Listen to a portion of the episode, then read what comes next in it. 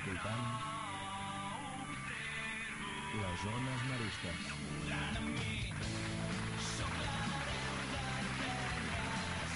Molt bona tarda, benvinguts a les Zones Maristes, el programa que, com sabeu, us porta tota l'actualitat de l'escola, a més de moltes altres coses, com entrevistes i altres curiositats. Tot seguit repassem els continguts del dia d'avui. Hola, bon dia. Som quatre alumnes de tercer d'ESO, la, eh, la Judit, la Raquel i jo, la Maria. Avui venim a fer el nostre especial nadalenc. Us parlarem sobre el Nadal a diferents cultures d'arreu del món. Tots sabem com es celebra el Nadal a Espanya i a Catalunya, però no totes les cultures fan el mateix que nosaltres. D'això us venim a parlar nosaltres. Parla parlarem de països amb cultures diferents, com Itàlia, Rússia, Gran Bretanya, Estats Units, Argentina, Brasil i, i Austràlia. Hem triat aquests països perquè són de diferents continents i tenen una cultura bastant marcada. Jo us parlaré sobre el Nadal a Itàlia. Pels italians, el Nadal és una festa que s'ha de passar en companyia amb la família. Nadal amb els teus, fas com qui vulguis, és un lema molt conegut italià. Una tradició a la que els italians no poden renunciar és a la vigília del 24 de desembre reunir-se amb la família per disfrutar del cenone nadalenc. El menú del cenone italià està format per peix, vegetals freds, tartines i ensalada de peix. Segons la tradició, l'arbre de Nadal es col·loca el 8 de desembre, igual que el pessebre, i no els treuen fins al 6 de gener, a la festa anomenada Befana. La Befana és una àvia que vola sobre una escombra i entra per la ximenella per deixar dolços i regals. Per ells equivaldria a Santa Claus.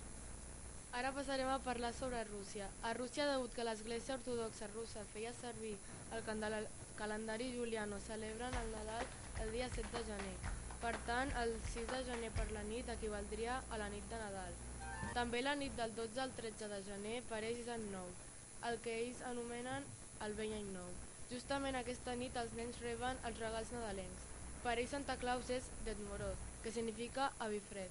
L'Església Ortodoxa estableix un dejuni advent del 28 de novembre fins al 6 de gener. Una Nadala molt coneguda per ells és la cançó eslava, es- eslava anomenada Koliatki. En en Gran Bretanya, la temporada nadalenca comença el 6 de desembre, dia en el que es col·loca la ve tra Trafalgar Square, una tradició nadalenca, nadalenca britànica com els crackers, uns petards petits que dins porten un barret, un regal i un acudit en general bastant dolent. En cap d'any, la tradició explica que la primera persona que creui el, el llindar de la porta marcarà la sort d'aquest- d'aquesta llar d'un any nou. Sens dubte, un dels esdeveniments més sonats que tenen lloc al Regne Unit és la festa de cap d'any d'Edimburg, Escòcia, anomenada Howmanay. Als peus de l'encantador castell es reuneixen desenes de milers de persones al so de la música en directe, que pobla els carrers de la ciutat. Al dia següent les celebracions continuen, carreres de gossos, tai chi, als parcs o música chill-out. En Estats Units, un dels elements més característics nord-americà és Santa Claus, representat com un home gran amb una barba llar- llarga i blanca i amb un vestit vermell. També perquè també és molt car- característic l'anomenat stocking, que consisteix en deixar mitjons a la xamanella perquè Santa deixi caramels, regalets i notetes. El dia 25 de desembre és, és celebrat de, de forma familiar per, per ells el sopar de Nadal es celebra el dia 25 i no, i no el 24 com aquí. Al menú de nadalenc destaca el gall d'indi, el puré de patates i els pastissos salats. També és molt típic enviar targetes nadalenques als amics i famílies, des- desitjant bones festes i pau. Un altre fet diferencial és l'arbre de Nadal. A l'Europa també tenim la tradició de l'arbre de Nadal, però per a, ell- per a ells és un ritual familiar anar a buscar aquests arbres en granges especials. Ara escoltareu un vi- villancic a la mà. Es schlafen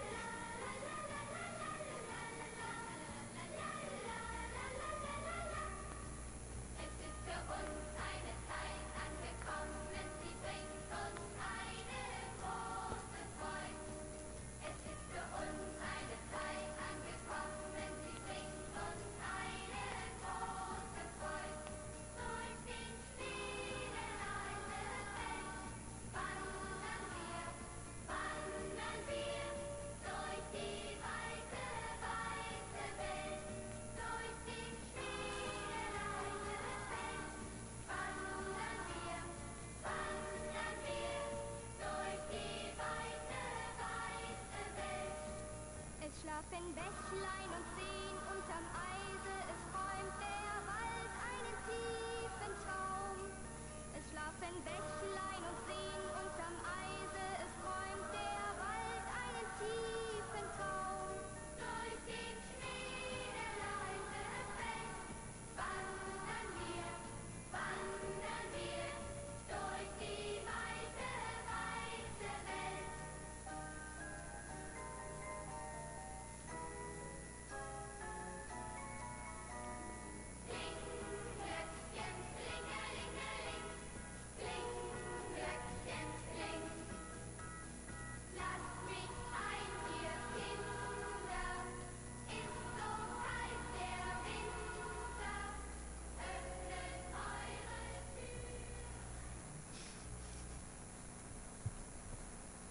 En Argentina, un tret característic és que cau en estiu. Aquest fet permet que en el sopar es pugui fer al jardí.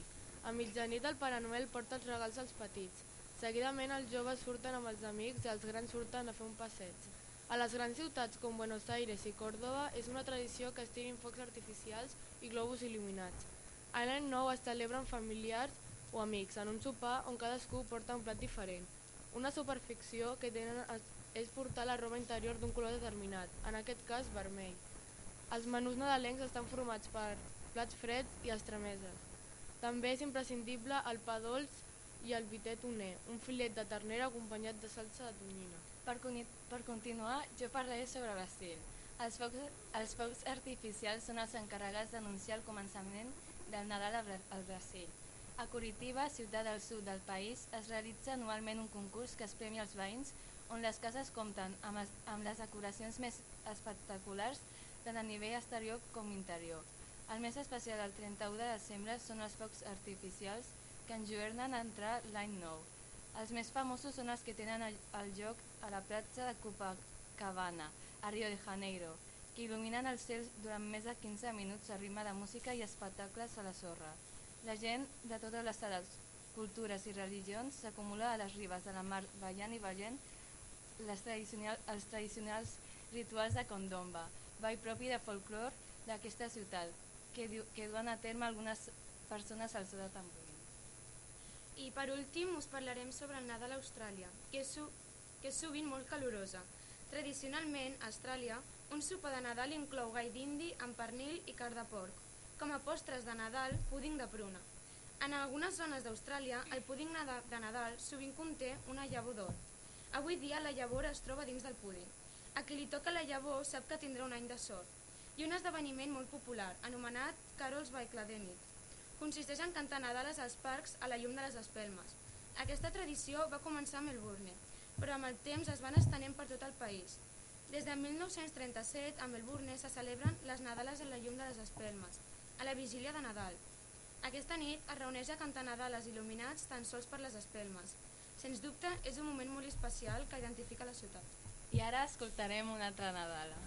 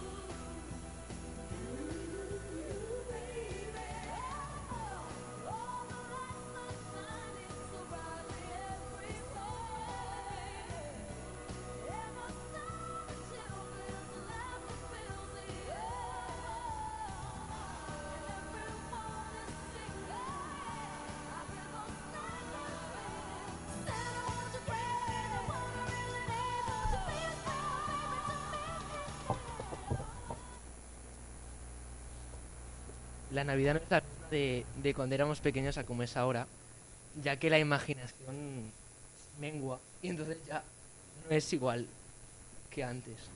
¿Qué te parece a ti, Paul? Bueno, sí, tienes razón. O sea, antes éramos en plan. Era, o sea, íbamos con ilusión, nos levantábamos en plan. ¡Sube los reyes, vamos han llegado! Y ahora ya.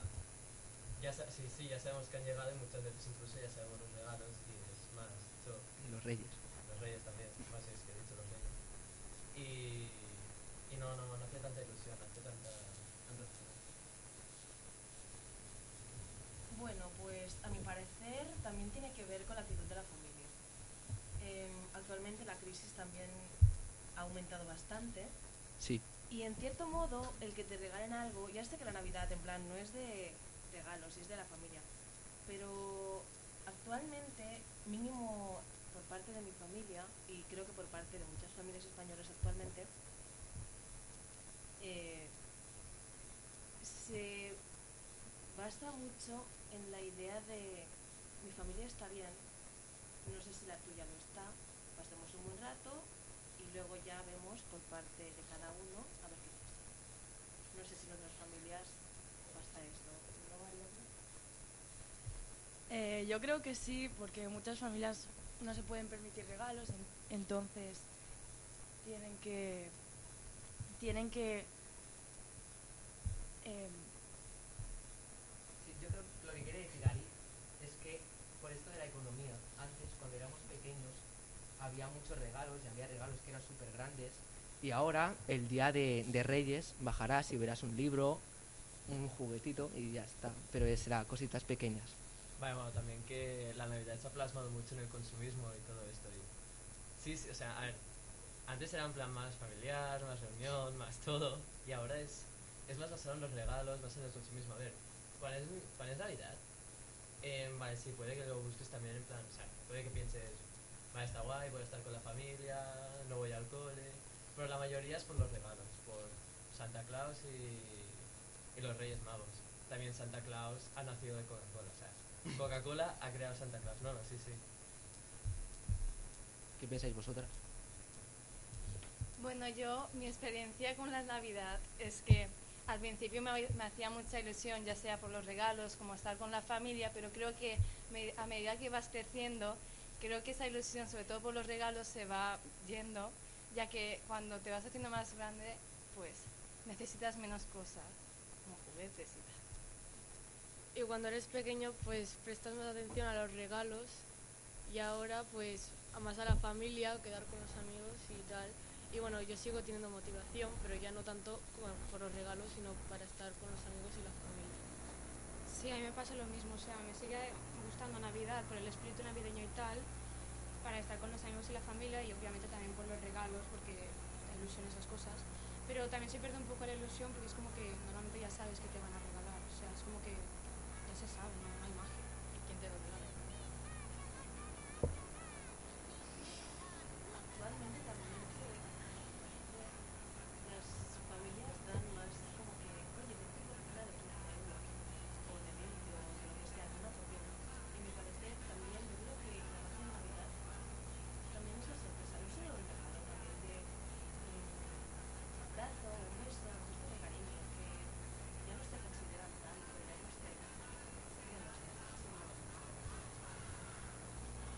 I ara sentirem...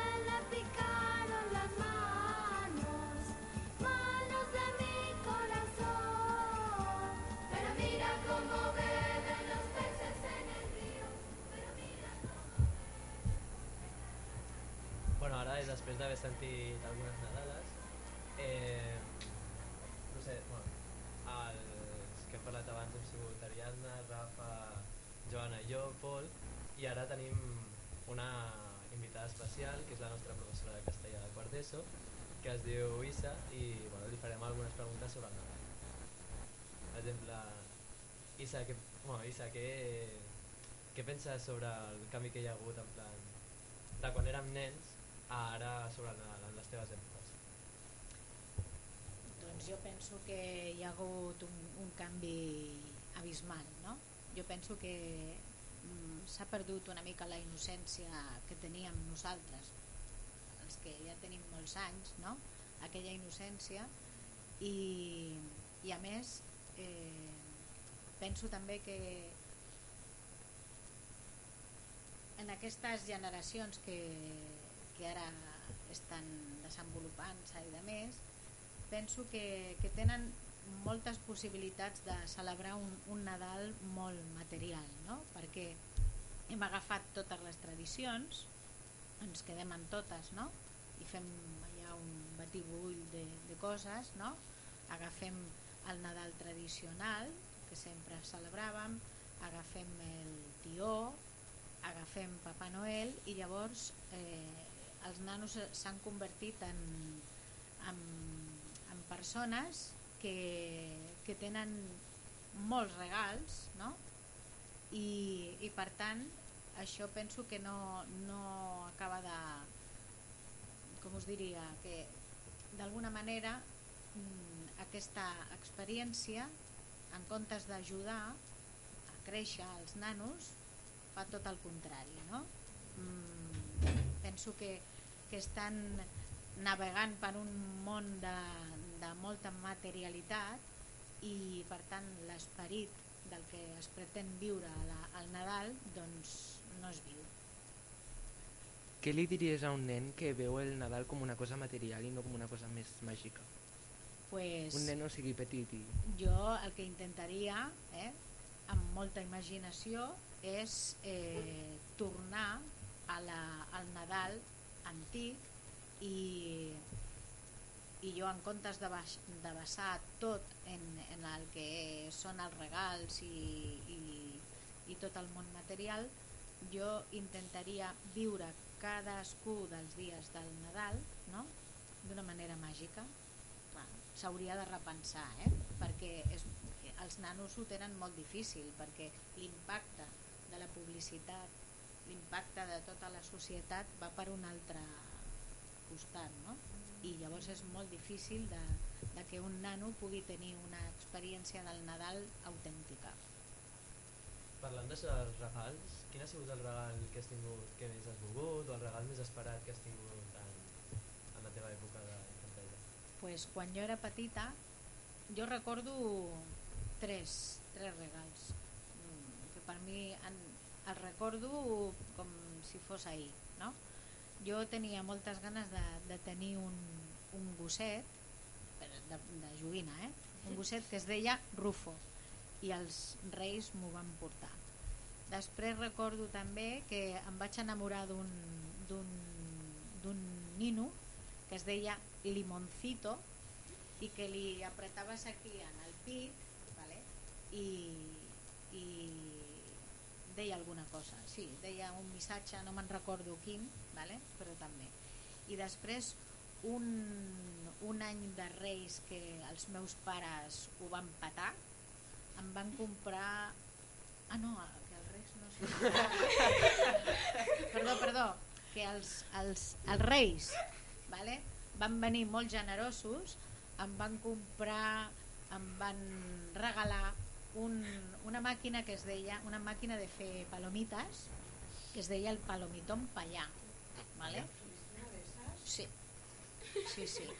I, i lo petábamos tota la família ja menjant crispetes contínuament sí, sí. però van ser el, els eh, jo aquell, aquell, aquell Nadal mm, va ser tot molt generós quan jo vaig despertar-me a la taula del menjador només hi havia coses i coses i coses i coses no? perquè no sempre havien estat tan generosos tu, amb la, bueno, la teva època infantesa, quines eren en plan les, les festes per una manera que celebraves? Com que quines festes? Per exemple, Reis Mags, Pare Noel, Cagatió... No, no, no, ni Caga Tió ni, pa, ni Pare Noel. Eh? Jo era dels Reis, perquè jo sóc molt tradicional i a més, amb l'edat que jo tinc, eh, el, el, tema del Papa Noel penso que encara no estava molt, molt desenvolupat. Jo era, estava a, a Amèrica, eh? que es feia, però no. A casa meva es feien els Reis i com que jo sóc de família castellana, el tió no es feia a casa meva. Bueno, pues donem les gràcies per haver estat avui aquí amb nosaltres haver-nos explicat una miqueta sobre les teves experiències de Nadal. I, bueno, us desitgem molt bon Nadal i feliç any nou. Adéu, jo també us desitjo bon Nadal. Jo també. Crec que a tothom us desitja bon Nadal.